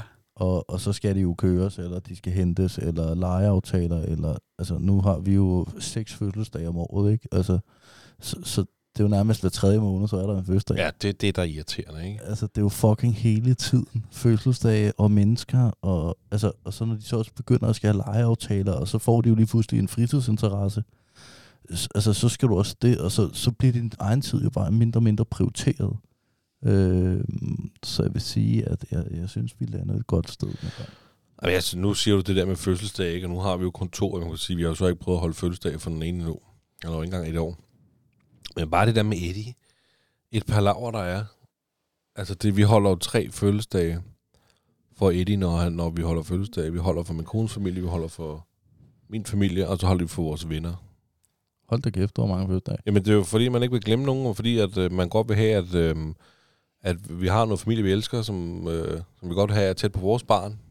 Øh, og så, så skal man jo invitere, ikke? Og vores hus er sgu ikke stort nok til, øh, at vi kan være så mange, ikke? Og så kan du se, når, også, når Elliot han kommer til verden, ikke? Eller han er ikke til verden, men han skal holde sin første fødselsdag. ikke? Så er det, så er det lige pludselig faktisk også seks fødselsdage på et år, ikke? Jo, jo, men altså, det er jo vanvittigt. Og, og, og altså, nu har jeg lige holdt sådan en surprise fødselsdag for Pernille, ikke? Øh, og så har der lige været den her august måned, der har Sofia fødselsdag, ikke? Og september, der har Nord fødselsdag, ikke? Og oktober, den er så sådan fri. Og så er der november, så har Milo fødselsdag, ikke? Altså, og Så er det december, så er det jul. så er det jul, ikke? Og så er det januar, der er ikke så meget. Så er der februar, der er heller ikke så meget. Altså, men så er april måned, ikke? Mm. Så er der fødselsdag for, for Mio, og juni måned, så er der fødselsdag for mig, og juli måned, så er der fødselsdag for Pernille, ikke? Mm.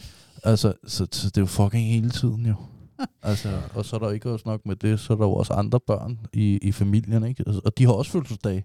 Men der skal man heldigvis ikke betale. Der skal man bare komme med en lille gave. Ja, Fordi det synes jeg næsten er det værste. Det, altså, det er jo det der med, at man skal handle ind til, til alt det der. Det kan sgu hurtigt blive en omkostning, altså. Jamen, det gør det helt klart. Altså, man vil heller ikke være sådan en, øh, det bliver et sammenskud skille, øh, hvor der lige er 50 forskellige mennesker, der har stået derhjemme i hver deres køkken, og hver deres hygiejne står og laver mad, og så kan man lave en buffet ud af det. Altså, det vil man jo heller ikke. Øhm, så jeg vil sige, at jeg, jeg, altså, der, der er mange ting sådan hele tiden, der, der skal gøres og gøres og klares, og jeg ved sgu ikke hvad. Det, og så koordinering. Altså mit liv, det er jo planer de næste 18 år. Det, det er det jo. Altså, Ja, der vil nok komme nogle øh, tillæg og noget, ikke? Som du sagde, med fritidsaktiviteter. ja, ja. Har du noget at drømme om, hvad drengene skal gå til? Jamen, øh, de øh, starter jo i Brøndby IF og har allerede underskrevet kontrakten her. Så vi er i gang. Er du klar på, at øh, har, har du nogen idé om, hvornår du godt vil have, Milo skal starte med at spille fodbold? Jamen, nej, altså det der er problemer med Milo der, han har nogle, nogle ben, der ligesom sidder sådan lidt ud til siderne, ikke? Øhm, altså, du kan jo sparke en fodbold igennem hans griseben, ikke? Så, så han, ja, han, han, han, har sådan, han har meget mellemrum mellem de ben. Og, og der vil jeg sige, at, at han bliver sgu ikke fodboldspiller. Det, okay. det, det må jeg jo erkende. Han bliver højst sandsynligt vandbærer. Øh, og, så jeg har et lille håb i Mio endnu, ikke?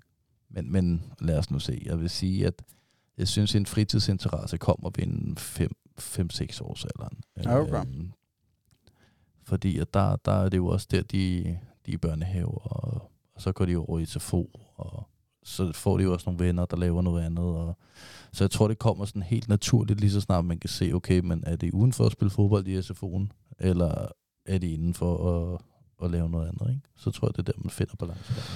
Jeg vil faktisk give dig lidt... Øh, beklager. Øh, jeg vil give lidt ret i det der, fordi vi har faktisk haft det oppe en del her på det sidste med fritidsaktiviteter, fordi jeg tror, vi begge to havde sådan lidt en idé om, at det var ved at være tid til noget fritidsaktivitet.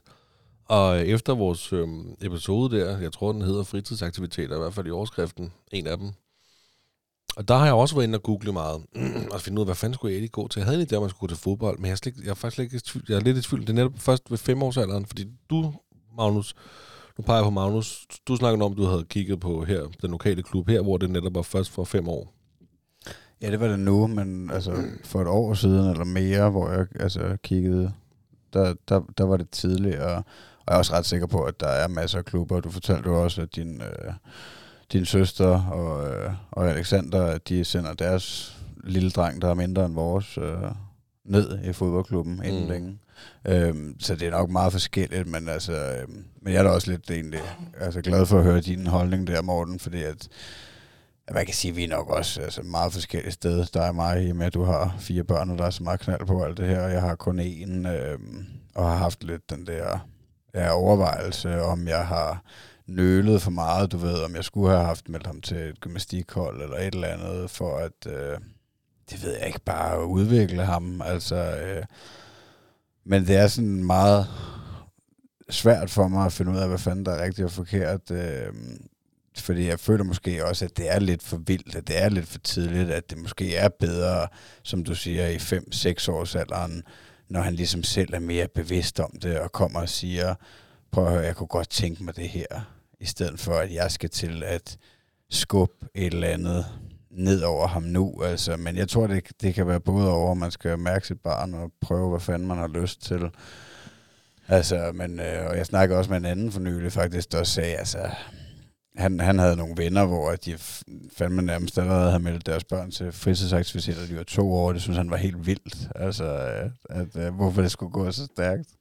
Jamen, jeg vil sige, altså lige så snart de, altså øh, personligt, det jo, altså, så, så har jeg det sådan lidt, når de, altså, når jeg kan se, okay, hvor, altså, hvad bruger de mest tid på, så giver det jo god mening at prøve at søge derhen. Øh, og, og, og der er jo ikke nogen grund til, at Milo han går til bowling, for eksempel, hvis han ikke er interesseret i, i bowling. Øh, eller han står og spiller bordfodbold, hvis det er, han, han, han hælder ud på en fodboldbane og bruger flere timer der. Og, altså, så, så jeg har det sådan lidt, at, at det kommer nok an på, hvad han bruger sin fritid, skulle jeg til at sige, men de har ikke andet. Men, men deres tid på i, i skolen eller i SFO'en, ikke? Øhm, fordi det, det giver bedre mening, synes jeg. Men nu her for eksempel, så har det også sådan lidt med Nord. Han skal ikke gå til fodbold. Nord han er skide ligeglad med fodbold. Øh, han spiller det kun, hvis, hvis vi andre er der. Øh, og jeg tror, det er lige så meget at gøre med måske at gøre os glade på en eller anden måde. Hvorimod vi alle sammen godt ved, at han hellere vil sidde derhjemme og spille Playstation. Og, og så er det jo bare at gribe ham i det, og så tage ham med på en netcafé. Eller, altså, sådan Det kan man jo også gå til, tror jeg. Jamen det kan du jo. Lidt alt altså, efter, hvad man spiller selvfølgelig, men det, det er jo meget inde det der. virkelig meget inde, og, og der er jo også alle de her gaming-ting, øh, og altså, og, altså, hvad er det værste, der kan ske? Altså, det er, at han kommer til at tjene flere millioner på at sidde og spille et eller andet spil, ikke? Øhm, men jeg vil da sige, at, at hvis hans interesse stadigvæk er, at det her gaming om, om to-tre år, altså, så er der jo ikke noget i vejen for, der, hvor man siger, prøv at Nord, nu inviterer vi de her drenge her, du, du er sammen med, over til, til gaming night, hvis man kan sige det sådan, og så ser, hvad der sker der. Øhm, men det er også igen det her, at hvis du melder dem til gymnastik for eksempel, og køber alle de ting, nu er der ikke, jeg ved ikke, hvor meget man skal bruge i gymnastik, men så lad os sige ishockey, der skal de jo selv købe deres udstyr, ikke? Og, og det er jo flere tusind kroner, og hvis de nu kun synes, det er sjovt i, i to måneder, så, så er det heller ikke særlig sjove penge at give, kontra hvis de nu hellere vil spille fodbold og køber fodboldstøvler og, og alle de her ting, øh, som de vil få gavn af.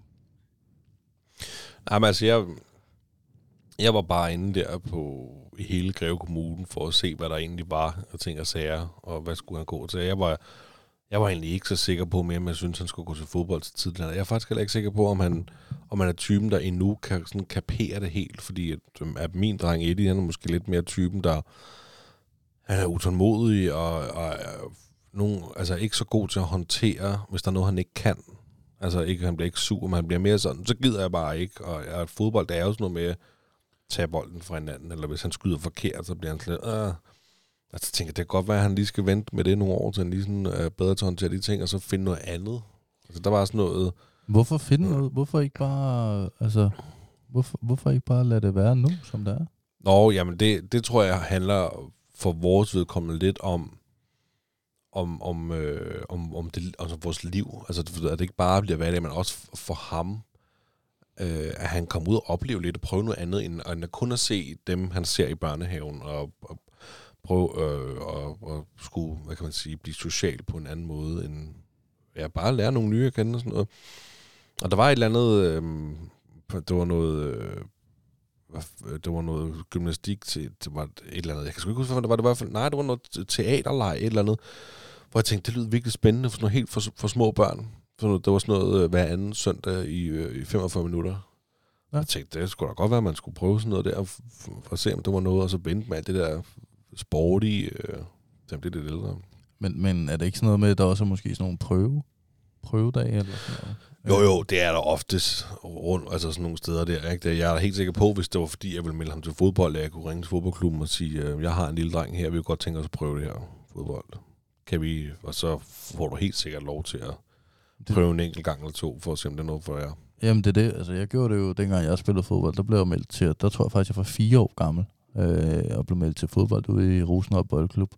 Og der tænkte jeg også, det var sådan noget prøve, altså prøvetræning. Øh, men, men der var også mange af mine, mine venner, der gik der i forvejen.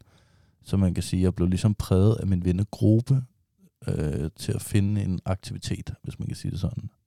Og det er også derfor, jeg har det sådan lidt. Altså, dem Milo går sammen med, det er jo også dem, han ser op til på en eller anden måde. Og og hvis de har det fedt med at spille bordtennis, jamen, så lad os prøve bordtennis. Øh, men det bliver selvfølgelig ikke det dyreste, det dyreste udstyr til at starte med. Der kan vi godt lige snakke om, der går et par år. Ikke?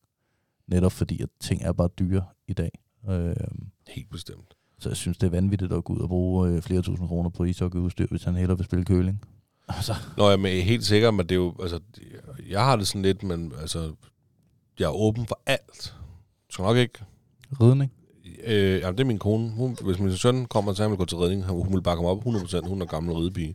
Oh, Okay. Men jeg kan jo så kigge på det og sige, det vil ikke råd til. Det er i hvert fald ikke råd til en hest, det er helt sikkert. Så kan man sige, de der, der jeg håber ikke, han også vil lige pludselig gå til Formel 1 eller sådan noget. Ikke? Men, Men ligesom du sagde, bordtennis, køling. Ja, hvis, du, hvis han kommer og siger, jeg godt tænke mig at prøve det, så skal du prøve det. Så må man finde ud af, om det er noget for dig, om du er god til det, eller om du har lyst til at blive god til det.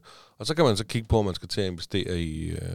om der er investeringsmuligheder her. Ja, nej, men jeg mener det der med, med, med så for ishockeyudstyr. Ikke? Altså jeg tænker, man køber ikke ens øh, barn... Man, man køber ikke helt nyt ishockey, ishockeyudstyr til sit barn, der har lige været til træning i gang. Nej, Der leger man nok noget, eller låner noget op i klubben. Og så, efter et par år, som du selv lige sagde, så kan man måske sige nu... Ja, altså jeg vil sige, at, at, at hvis, hvis Milo vil gå til ishockey, så vil jeg jo sige til ham, at, at igen det her med, det skal du prøve at, at lade os se. Øh, og hvis han så har gjort det et par gange, og han, han siger, at det vil jeg stadig gerne prøve, så har jeg det her, så vil jeg gerne købe en, for eksempel en hjelm til ham. Øh, hans personlige hjelm, fordi jeg har meget sådan handsker og hjelm, det er ligesom når jeg er på arbejde. Altså det er mit, det er det samme med min, mit, øh, mit mundværn, øh, eller beskyttelsesværn, det her masker. Det deler jeg heller ikke med nogen. Øh, så jeg vil sige, at det ville være det første lige med ishockey-situationen, jeg vil købe til ham. Det var helt klart det her hjelm og handsker. Øh, fordi det synes jeg var klamt, hvis man, man deler, og Mm. man ved fandme ikke, hvad de har haft på hænderne. Ikke? Nå, men der må da også være... Øh, nu, nu snakker vi selvfølgelig lige ishockey, det kan være alt som helst, hvad som helst, men, men netop lige ishockey, der er jo da også noget, du ved, åh, jeg har fået nye skøjter. Jeg fået helt nye skøjter, ikke? Kunne jeg forestille mig, altså, det er jo sådan, man kunne ønske sig julegave, eller... Helt klart, altså det er også pisse dyrt. Har I nogensinde været inde og sige ishockey? Ja, ja, jeg har været inde til, i Rødovre med min far. Og jeg, jo- nogle jeg, gange. jeg, er jo, jeg er jo hvidovre dreng, så, så, så der har været rigtig meget, øh, rigtig meget fight der, ikke? Øh, og, og jeg skal da ikke sige mig fri for, jeg ikke har været en del af den, men, men, men det er jo det niveau. Altså hvis, hvis man gør det, så gør det 100% ordentligt, ikke? Og, og jeg tror heller ikke på i det niveau der, at, at de har givet fuld pris for de her ting, da de var børn. Øh, men jeg er sikker på, at det er noget af det første, man får. Det er jo de her personlige ting. Altså jeg vil heller ikke dele sko med, med en anden, jeg ikke kender. Altså, så, så jeg vil helt klart gå ind og sige, jamen, hvis du vil det her, så er det første, du får, det er en hjelm og et par handsker eller et eller andet. Mm. Har du selv gået til ishockey? Nej. Altså, jeg er Bambi på glatis. Det, det fungerer sgu ikke. Øh, Men, men, altså, men jeg kan godt lide, at vi snakker ishockey, fordi der er jeg også hele tiden tænkt, fuck, det kunne være fedt, hvis han skulle gå til ishockey, min søn. Altså, jeg ved, min far, han har, går meget op i ishockey, har altid gjort det, har fået med ind og se Rødovre en del gange. Ishockey, det er bare fedt. det er mandesport. Altså, virkelig fedt. Altså, og, og jeg tror bare, at hvis man ikke forstår den der kultur i ishockey, jamen så kommer du ikke til at forstå den. Altså, kom ind, se en kamp, se hvad det er for noget. Altså, det er jo, det er jo, altså, det er jo mænd. Altså, Altså, det, virkelig, Det er krig på is. Og der, der kan man så sige, i Danmark, ishockey er ikke særlig stort i Danmark. Nej, det det er en meget lille liga, vi har, og De må niveauet ikke er... så meget. Og, Øh, jamen, det er ikke, jeg ved ikke lige, hvor meget de må, men øh, niveauet er ikke så højt. Altså, der skal man faktisk gå over til Sverige, eller Finland, eller Tyskland, og sådan noget. Ikke? Ja. Og selvfølgelig USA og Canada og Rusland. er Ikke? Altså min mors mand, han, øh, han går heller ikke til ishockey. Han, øh, han ser det kun. Øh, og der er det jo sådan en flok pensionister, skulle jeg til at sige, der, der tager afsted hvert år sammen til det her VM. Og så har de jo alle sammen sådan nogle, øh, ligesom der er fodboldtrøjer, så er der også ishockeytrøjer. Og så har de alle sammen købt sådan en, og så hvert år, så får de printet, eller trykt på, hvor de er henne for hvert år. Øh, og det er jo også som, altså det er jo et sammenhold, man ikke forstår, øh, hvis, hvis man ikke er interesseret for det her. Det er jo ikke kun volden i det, det er jo lige så meget det her intensitet i det. Altså, det er, jo, det er jo lige på og hårdt, ikke? Øh, sidst jeg så en ishockeykamp, der var en, der brækkede ryggen, ikke? Mm. Altså, og det var jo ikke sjovt for ham, og der var ikke nogen, der syntes, det var sjovt. Men, men det var fedt, fordi at det er sådan... ikke? Ja, men ishockey, hvad, siger, hvad siger du, Magnus, når vi snakker ishockey? Han siger ikke så meget. Nej, altså dem, det er aldrig, jeg har aldrig, jeg tror aldrig, jeg har set en øh, ishockeykamp. Altså jeg har i hvert fald aldrig set, jeg har aldrig været inde og se øh, hockey. Øhm, jeg vil nok kun selv snus til at stå på skøjter nede i LaLandia og ude på Maglesø, når der har været hardcore vinter.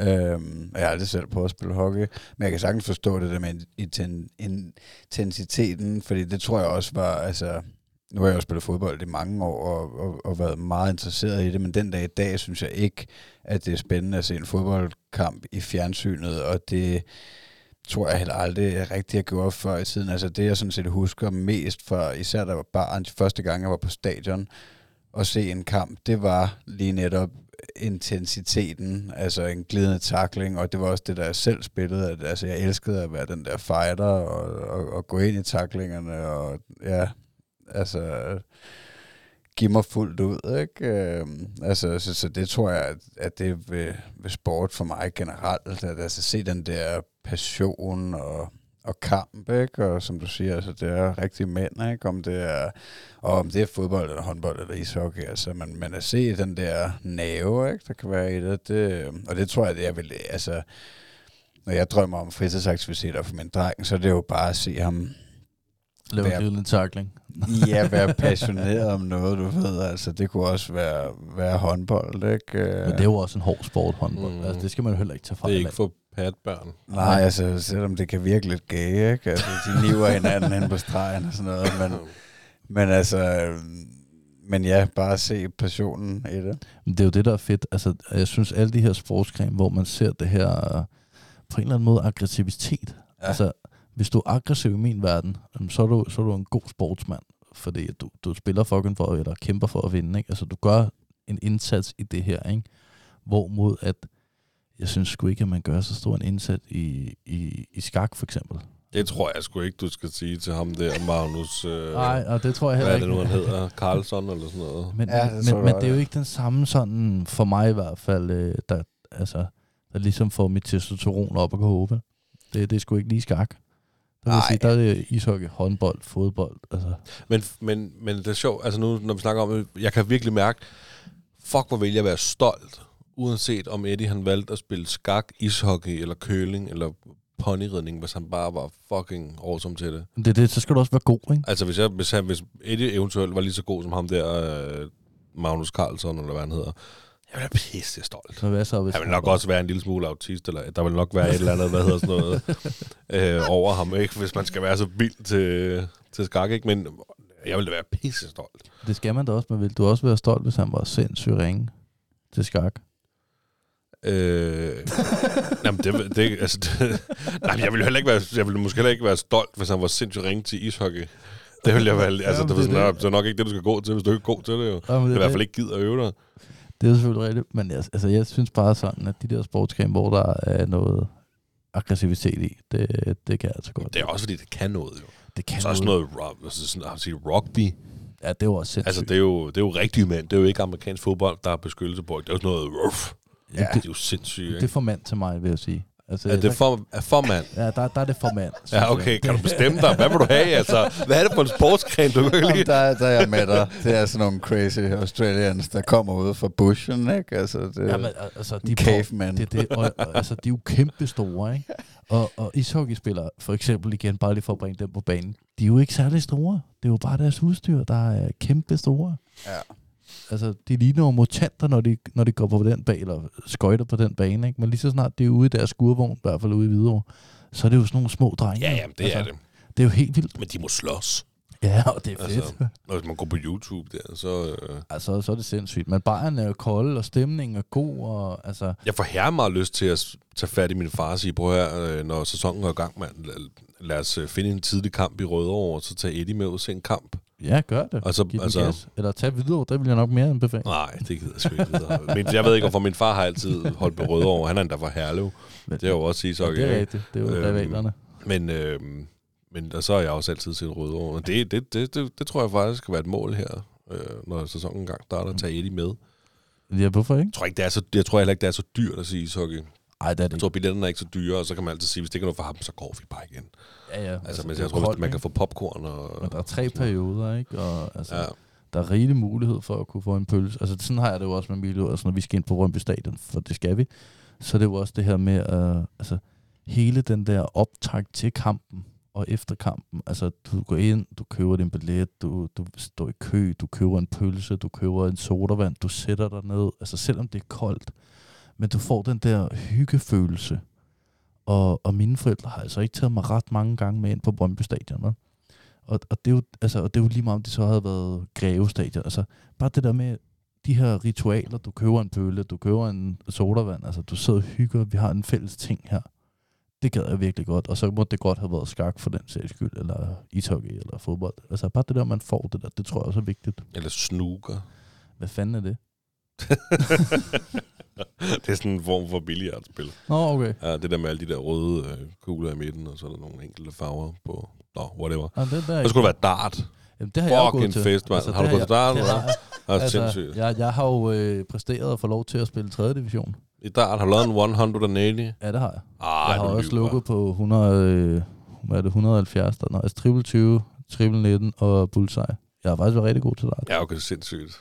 Øh, og jeg har spillet ude i Advøre, jeg har spillet i Glostrup, jeg har spillet i Hvidovre. altså, ja, så, Nu du siger, du har været på landsholdet. nej, nej. jeg surprise. Men, men ej, så god har, jeg- altså, så har, har, god har jeg heller ikke været. Øh, men jeg spillede jo dengang øh, på grund af min egen biologiske far. Fordi jeg netop savnede det der med at have en far søn ting. Øh, men så indså jeg jo også, som tiden gik, at, at han var jo pisse ligeglad, om jeg var der eller ikke var der. Altså han drak så høne fuld og, og var ligeglad med det. Altså vi havde ikke den her far ting. Det var sådan lidt en, en, en hvad kan man sige, bekendt ting. Hvor at, øh, det kan godt være, at vi lige hurtigt kan sige hej, men du køber fandme selv en anden bajer, du. altså, det var lidt den, vi havde, ikke? Okay. Øhm, men så bed det mig jo, altså det bit mig jo, altså det her igen, det her mandehørm, ikke? Øhm, og, og altså, jeg vil sige, at når man gør noget, skal man gøre det 100%. Og, og det må man sige, at jeg gør. Fedt, mand. Men du må da også have, altså når du har det her afsavn til din biologiske far, så må du da også være ekstra motiveret for at, uh, at lave noget med drengene, når de bliver større. Helt klart. Altså, jeg vil ikke sige, at jeg har et savn til ham, men, men altså for mig, der er han har jo, jo ikke længere, øh, men, men, men det her med, at det jeg ikke fik, det er jo det, man gerne vil give sine børn. Og, og jeg tror, det er jo lige meget, om du kommer fra Hellerup, eller om du kommer fra Advøre Stationsby. Det, du ikke fik af dine forældre, det er det, du gerne vil give videre. Øh, så ja, det, det er i hvert fald en, en, en grund til at være motiverende over for det. Hvornår skal I på Brøndby Stadion? Jamen, han, jeg synes, han skal blive lidt større. Ja. Øh, det er også fordi, at altså, ja, det synes jeg sgu bare, han skal. Jeg synes ikke, når man er to år, at man er klar til at, at tage ind med far på Brøndby Stadion. Det, Nej. det vil jeg sige. Ej, Eller Hvidovre Stadion, de var også lige kommet i Superligaen. Ja, det er jo også det er jo Det- imponerende. Ja, det er med med imponerende. det, det må jeg sige. Jeg synes, det, jeg synes, det er vanvittigt at, at videre af det, og så synes jeg, at alt det ballade udenom, og det er derfor, jeg griner, fordi at alt det ballade, der har været omkring det skide stadion der, det er jo ikke, altså, det er jo sådan nogle ligegyldige Hvad er det for noget dig? Ja, men så er det sådan noget med, så må modstanderne, de skal stå på nogle tribuner, som har været mobiltribuner. Så det vil sige, lastbiler kommer og henter dem, og de, det underlæg, eller under, underlag, øh, tribunerne står på, det er jo Atletiksforeningens underlag. Og de er jo skidesure over, at videre, altså videre fodboldrådet i Superligaen. Fordi nu kan de jo ikke træne på det her, fordi nu er der jo kommet øh, altså, huller i, og så er der nogle skure, der skal laves om, og de er sure over, at deres, øh, hvad kan man sige, jeg ved ikke, hvad man skal kalde det, værtshus inde på Hvidovre Stadion, de ikke må benytte det længere, øh, fordi at det må man ikke følge Superliga-reglerne, og dommerne skal have deres eget omklædningsrum, og altså, det har jo været rigtig... Så lad dig jo være med at være så god til fodbold, at det rykker det er også sådan Superligaen. lidt, jeg har det, ikke? Men okay, der er jo selvfølgelig nogle regler, også hvordan en stadion skal være. Nu har jeg ingen idé om, hvordan Hvidovre stadion ser ud. og Men der er jo nogle regler, der skal være plads til så og så mange, og der skal være store skærmer, der skal være dit og dat. Så hvis ikke man har de der ting, så er det selvfølgelig omkostning for kommunen, lige Jamen, pludselig skulle Det rykke er, jo, det er jo Superligaen. helt vildt. Altså, altså, jeg ved bare, at de der mobiltribuner der, det har jo været det store, altså virkelig, hvor de er gået amok, ikke? Og jeg tror, de har givet 16 millioner for at have dem, hvad jeg sådan mener har hørt. Øh, og hvis de skulle have bygget det permanent, ville det koste 32 millioner. Øh, og jeg har det sådan lidt, vi alle sammen ved godt, videre, at de nok ikke lige overlever næste år, ikke? Øh, så, så jeg synes, at, at det, altså man skal jo aldrig sige aldrig, men, men jeg synes bare, at, at der er så meget ballade omkring noget fucking fodbold. Altså, jeg Ja. kan godt lide fodbold, men jeg synes, det er vanvittigt. Det er lidt som om, vi røg ud af en tangent her. Ja. Med, med sportsnakken, det gør det i hvert fald. og Det er jo også, øhm, Man kan gå mange det er veje. også meget spændende. Men jeg godt, altså hvis vi lige skal blive sport, sportsnakken. Altså jeg, går- jeg glæder mig rigtig meget til, at jeg skal have Eddie med til, til de her ting her. Også øhm, altså netop i, i parken, eller jeg har en kammerat, der lige kommer tilbage til FC Roskilde, som spiller anden division, og der, der har jeg været en del gange til fodbold. Og nu, nu får han muligheden for at se ham. Altså, øhm, og det er jo et lille sødt stadion også, som, som er overskueligt for en lille dreng på tre år. Ikke? Så jeg, jeg glæder mig da til, at vi skal de her ting her. Det, det, det bliver fandme fedt. Kan du huske, hvor gammel du var, da du var i parken første gang? Nej, det kan jeg ikke. Jeg kan godt huske, at jeg har været i parken, men det har været sådan noget i øh, 10 år måske. Eller sådan noget. Ja, jeg tænker også, jeg har 10 været, 10 år. nærmest været teenager. Altså, Ja, jeg tror, det, det var med nok- fodboldklubben. Jeg har været på Brøndby Stadion og i parken. Sådan noget med, med, med den fodboldklub, jeg spillede i. Ja. Jeg var barn. Så da jeg nok været 10 år eller sådan noget. Ja. 10-12 år måske endda. Men jeg ved ikke, om, altså, om, om vi er sådan ved at øh, afslutte programmet, eller øh, sådan Siger godnat. sige godnat. Ja, det, det tænker jeg. Det skulle Øhm, være hyggeligt. det var der super- på besøg igen, Morten. Super Det har været hyggeligt. mega hyggeligt. Jeg kunne godt tænke mig lige hurtigt at spørge, for vi, vi- jeg tror, at sidst du var der spurgte vi om, om de fire hurtige eller et eller andet. Ikke? Der var nogle spørgsmål. Jo, der var nogen, ja. Men jeg har tilføjet et enkelt lidt siden da, og det er, jeg kunne godt tænke mig at vide, hvad, øhm, hvad vil du gerne have, at dine børn husker dig som? Eller for? Ham, der altid var der, og ham, der var sjov. Det, Er du god til at være en sjov far? Det håber jeg. Jeg ved det jo ikke. Det er jo ikke, fordi de siger, at jeg er sjov endnu, kan man sige. Men jeg, jeg, altså, jeg, vil, jeg vil gerne huske som, som ham, der var der, og ham, der de grinede og hyggede med, og altså holdt, hvad han lovede. Det, det må jeg sgu indrømme. Det kunne jeg godt tænke mig at huskes for. Det, det, det, det lyder sgu godt. Altså. Det, ja, men, men det er jo også et stort begreb at sige, holdt, hvad jeg lovede. Nej, men, men bare det der, du siger, ham der var der, Ja, det, altså, det, altså, ja. far han var der. Altså, Det er jo også en god indstilling at have. Så må Mm. man jo gøre, hvad man kan. Ja, altså jeg vil gerne være ham der, at de ved, at jeg er der. Øh, uanset øh, hvorhen i livet de kommer til at være. Øh, så skal de ikke være blege for at, at hive fat i mig og, og få et godt grin. Det, det, det vil jeg gerne huske for. Vil du have lov til at stille det aller sidste spørgsmål? Morten er blevet stillet det før, men øh, det kan jo være, at holdningen har ændret sig, eller der. Altså, hvis du skulle give et øh, godt råd til en kommende far derude, hvad skulle det så være? Føl din mavefornemmelse. Ja. Jeg kan slet ikke huske, om du har sagt det før. Ja, det, det tror jeg, jeg har. Ja, okay, det kan godt være, at... Øh, Øh, helt klart, følg din, mave, følg din mavefornemmelse. Det, den, den synes jeg er, er god, fordi den kan jo ændre sig hele tiden. Øh, men den kan også være altså stadfast. Så, så følg din mavefornemmelse. Ja, der er også der er meget information at hente derude. Man kan læse mange bøger, og man kan høre mange podcasts, og den dolde far kan man høre. ja. Blandt andet. Ja, fortæl jeres venner om den. Man kan jo også snart høre Ritter og Hvid, måske.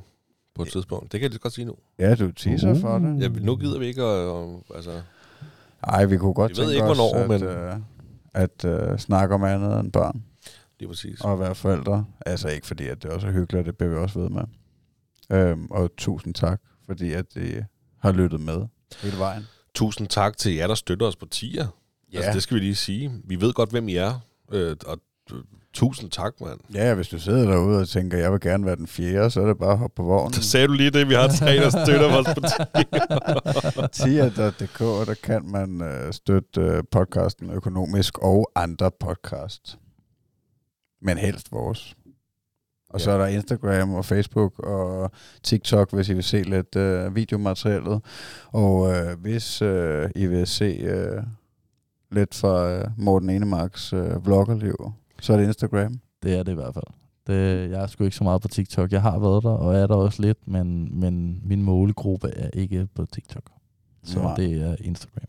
Ja, det er sjovt. Det er sjovt med de der målgrupper. Men i hvert fald så vil jeg godt anbefale at gå ind og i hvert fald se den der fødselsvlog. Det var sgu, den, den var sgu både øh, sjov og rørende på samme tid. Den synes jeg, du øh, nailede. Det var den. Jamen, tusind tak. Det er også en, jeg har brugt virkelig lang tid på at, at lave. Ja. Og så hele historien om, den, at folk ikke fandt ud af det, før vi faktisk var på vej i bilen til Hvide Hospital. Det, det krydder lidt det hele. Og så skal vi jo lige hurtigt sige til lytterne, hvis det er første gang, I lytter til Morten Enemark, så... Altså, det er jo tredje gang, han er med. Det er han. Det er for tredje gang, Morten han er med.